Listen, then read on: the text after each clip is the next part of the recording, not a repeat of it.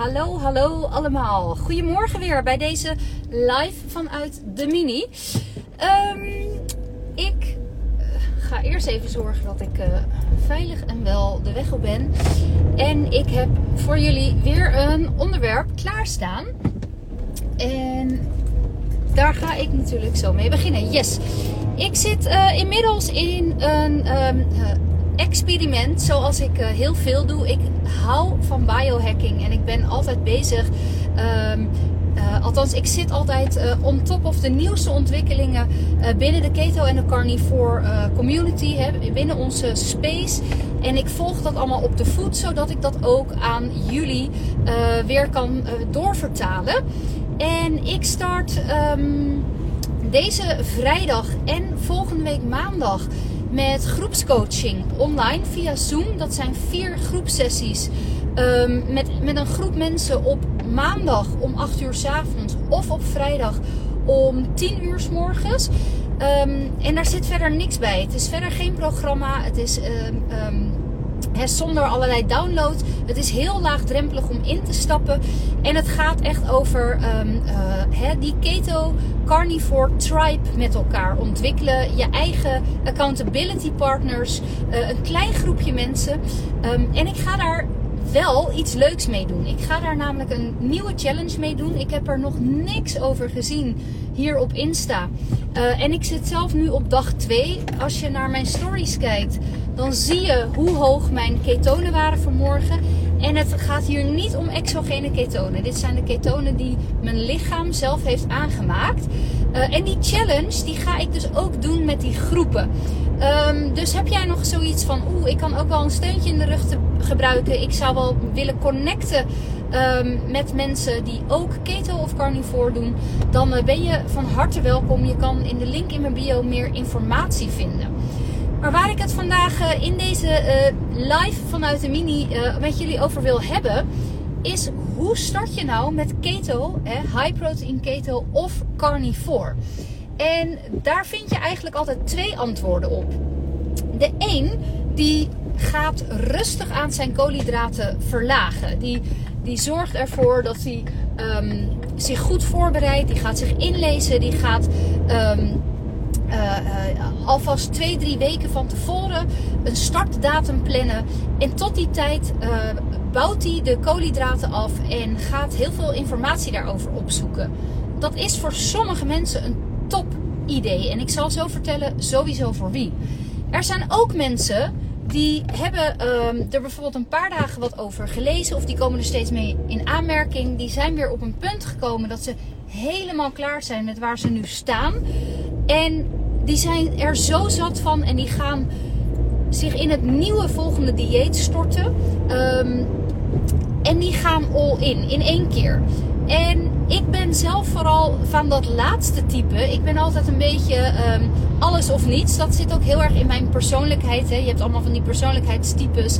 Uh, volgens mij heb je dan persoonlijkheid A of iets dergelijks.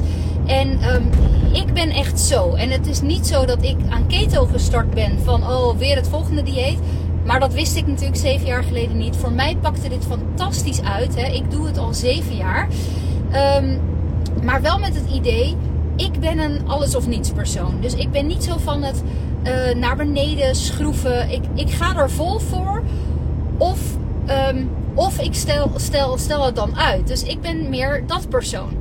Uh, maar dat betekent niet dat dat voor iedereen de route is. En als je jezelf nog niet goed genoeg hebt voorbereid, niet goed genoeg hebt ingelezen, dan kan je wel voor vervelende verrassingen komen te staan als je op deze manier aan een voedingsplan begint. En zeker aan keto. Want met keto ga je switchen van metabolisme. Van bijna 100%, maar dat, dat is niemand hoor. Maar uh, stel van, van 90% glucoseverbrander. Ga jij je lichaam dwingen in een paar dagen om een 90% vetverbrander te worden. En dat is best wel shocking voor je lichaam. Nou, voor wie is het nou handig om rustig aan te starten? Nou, ook daar uh, valt, uh, vallen bepaalde persoonlijkheden onder. Hè. Sommige mensen vinden dat een veel fijnere manier. Rustig aan in iets hè, transformeren. Um, maar vooral als jij van de 200 Club komt. En wat is nou de 200 Club? Dat zijn mensen die bijvoorbeeld een westers voedingspatroon eten, die uh, meer dan 200 gram koolhydraten per dag eten standaard. En dat klinkt in mijn ogen heel veel, omdat ik niet meer dan 10 koolhydraten per dag eet. Um, maar dat is eigenlijk heel erg uh, common, heel gewoon. Dat is iets wat, wat iedereen die westers eet, um, ja, bijna met gemak binnenkrijgt. Uh, veel hogere waardes worden zelfs gezien. Uh, maar ben jij nou iemand die bijvoorbeeld wel um, koolhydraat, koolhydraten eet, maar wel heel voedingsbewust is, dan kan het best zijn dat jij tussen de 100 en de 150 gram zit. Maar heel veel mensen komen boven die 200 uit. En um, dan is het zeker interessant om voor jezelf uh, rustig aan die koolhydraten wat af te bouwen. En waarom is dat nou interessant? Omdat jij anders, als jij zo'n alles of niets karakter hebt, zoals ik, ga je uh, waarschijnlijk heel erg veel klachten uh, krijgen. Ga jij ineens van, van 250 koolhydraten naar 20, dan, um, dan is dat best een crisis voor je lichaam. Ten eerste ga je dan mega afkicken van koolhydraten. Dat kan ook als je zelfs al wat minder koolhydraten eet. Maar koolhydraten zijn suikers. En die suikers die doen iets met je lichaam. Die doen iets met jouw brein ook. Hè? Um, en ga je dat ineens mega beperken, dan krijg jij letterlijk oprecht afkikverschijnselen. Denk aan um, koude rillingen, hete uh, hotflesjes, uh, koortsachtig gevoel, uh, geïrriteerd worden, brain fog, niet op woorden kunnen komen, je niet lekker voelen, je letterlijk grieperig voelen. En dat noemen we wel de ketogriep. Um, dat heeft meerdere componenten, want als jij heel snel in koolhydraten gaat terugschakelen, dan ga jij ook heel snel extra overtollig vocht verliezen. En vocht in ons lichaam, dat, is, um, dat zorgt voor ontstekingen. Al dat vocht wat uh, één glucosemolecuul aan zich bindt, dat hè, uh, zeker als er dus heel veel glucose uh, binnenkomt, dus heel veel koolhydraten die worden omgezet in het bloed tot suikers, hè, tot glucose. En elke glucosemolecuul bindt ongeveer 4, 4 à 5 gram water aan zich, vocht. Maar dat vocht, dat, hè, als jij dus heel veel glucose binnenkrijgt, ga je ook heel veel vocht vasthouden. En dat vocht, onder andere, dat verhoogt je bloedvolume. En dat is een van de mechanismes waar mensen ook een hoog, uh, hoge bloeddruk door kunnen krijgen. Dat vocht, dat gaat um, in je lichaam uh, ontstekingen bevorderen. Dus dat vocht, dat overtollige vocht door een overschot aan koolhydraten, dat wil je dus heel graag kwijtraken. Maar ga jij van 250, hè, van de 200 club naar de 20 club. Uh, en je doet dat in hè, de, die eerste drie dagen. Dan ga je ook mega veel vocht verliezen. In dat vocht, daar zitten zouten en mineralen. Die onder andere voor de hartpompfunctie uh, zorgt. Uh, voor, voor je spieren. Nou ja, hè, met tal van... Um, um, processen in je lichaam hebben die elektrolyten, die zouten, die mineralen, uh, die, die spelen een grote rol in tal van functies. Maar onder andere ook in de hartfunctie. Um, uh, vooral kalium is daar een van de drivers in. Ga jij dus heel veel vocht verliezen en je hebt je niet goed ingelezen en je weet niet dat jij je zouten moet aanvullen, dan um, kun jij dus ineens merken van... hé, hey, ik heb ineens uh, hartkloppingen. Dit dieet kan nooit goed voor mij zijn. Want ja, dit is toch niet de bedoeling. En de kans dat je dan dus weer gaat uh, doen wat je altijd deed... omdat je um, niet het vertrouwen hebt, omdat je je niet goed ingelezen hebt... Um, is dus heel groot dat jij dan na twee dagen zegt: Nou, ik heb me nog nooit zo ellendig gevoeld. Dus dit gaan we natuurlijk niet doen. Wie denkt ze wel met haar keto-verhaal en de carnivore? Dit uh, is niks voor mij. Daarom is het zo ontzettend belangrijk om je eigen onderzoek te doen. En je onderzoek kan je natuurlijk op allerlei, hè, op allerlei platformen doen. Je kan je bronnen, um, check altijd je bronnen. Hè, want ik zeg, uh, het, het, maakt natuurlijk wel verschil. Is iemand keto coach omdat hij zelf met keto is afgevallen uh, binnen een paar maanden?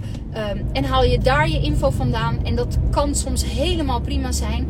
Um, maar heeft iemand ook misschien een coachopleiding of een voedingsachtergrond? Of check altijd wel even waar je info vandaan haalt. Die verantwoordelijkheid ligt altijd bij jezelf. Um, en ik heb acht jaar geleden, nou zeven jaar geleden, toen ik daarmee opnieuw in aanmerking uh, kwam met keto, dat was voor mij echt thuiskomen. Ik kon eigenlijk alleen maar mijn informatie uit Amerika halen. Amerika, Australië, uh, Zuid-Afrika, die daar mega voorlopers in zijn. Um, en mijn missie werd toen, en dat heb ik nog steeds, ik wil, ik wil keto op de menukaart uh, en op de kaart zetten in Nederland. Om uh, ja, gewoon goede um, informatie te verstrekken. Hè? Gewoon in het Nederlands. Zodat iedereen de voordelen van keto mag gaan ervaren. En niet alleen voor de klachten die je nu hebt, maar ook om preventief te zorgen dat wij optimaal kunnen thriven. Dat we optimaal gezond kunnen worden. Dus um, voel vooral niet um, de noodzaak. En heel veel vrouwen hebben dat van ja, maar ik moet dit toch alleen kunnen. Um, maar als wij uh, uh, willen leren zingen, dan nemen we ook een zangcoach. Omdat we begrijpen van ja, we kunnen niet alles alleen. Dus um, kijk daar ook voor jezelf naar dat je um, zeker je kan laten helpen hè, met de juiste informatie. Uh, door bijvoorbeeld in een programma of in een coachingsprogramma te stappen. En dat daar helemaal niks mis mee is. Ook al vinden wij dat we uh, dat afvallen nou wel een keertje zelf moeten kunnen. Want we hebben al 100.000 dieetboeken op de plank staan. We hebben al uh, 10 miljoen gratis um, dieetschema's en weekmenu's gedownload. Maar toch ben je nog niet daar op het punt waar je wel wilt zijn. Namelijk, je wilt slanker zijn, waarschijnlijk. Hè? Je wilt slank zijn, slank worden, maar je wil vooral ook slank blijven. Dat is super belangrijk, want uh, een keer goed afvallen en een half jaar later het gewicht er weer aan hebben. Ja, dat wil je niet. Je wil gewoon dat doen en zorgen dat het zo uh, blijft. En vooral ook daarin het gezondheidsaspect meenemen. Dat, um, ja, dat vind ik gewoon heel erg belangrijk.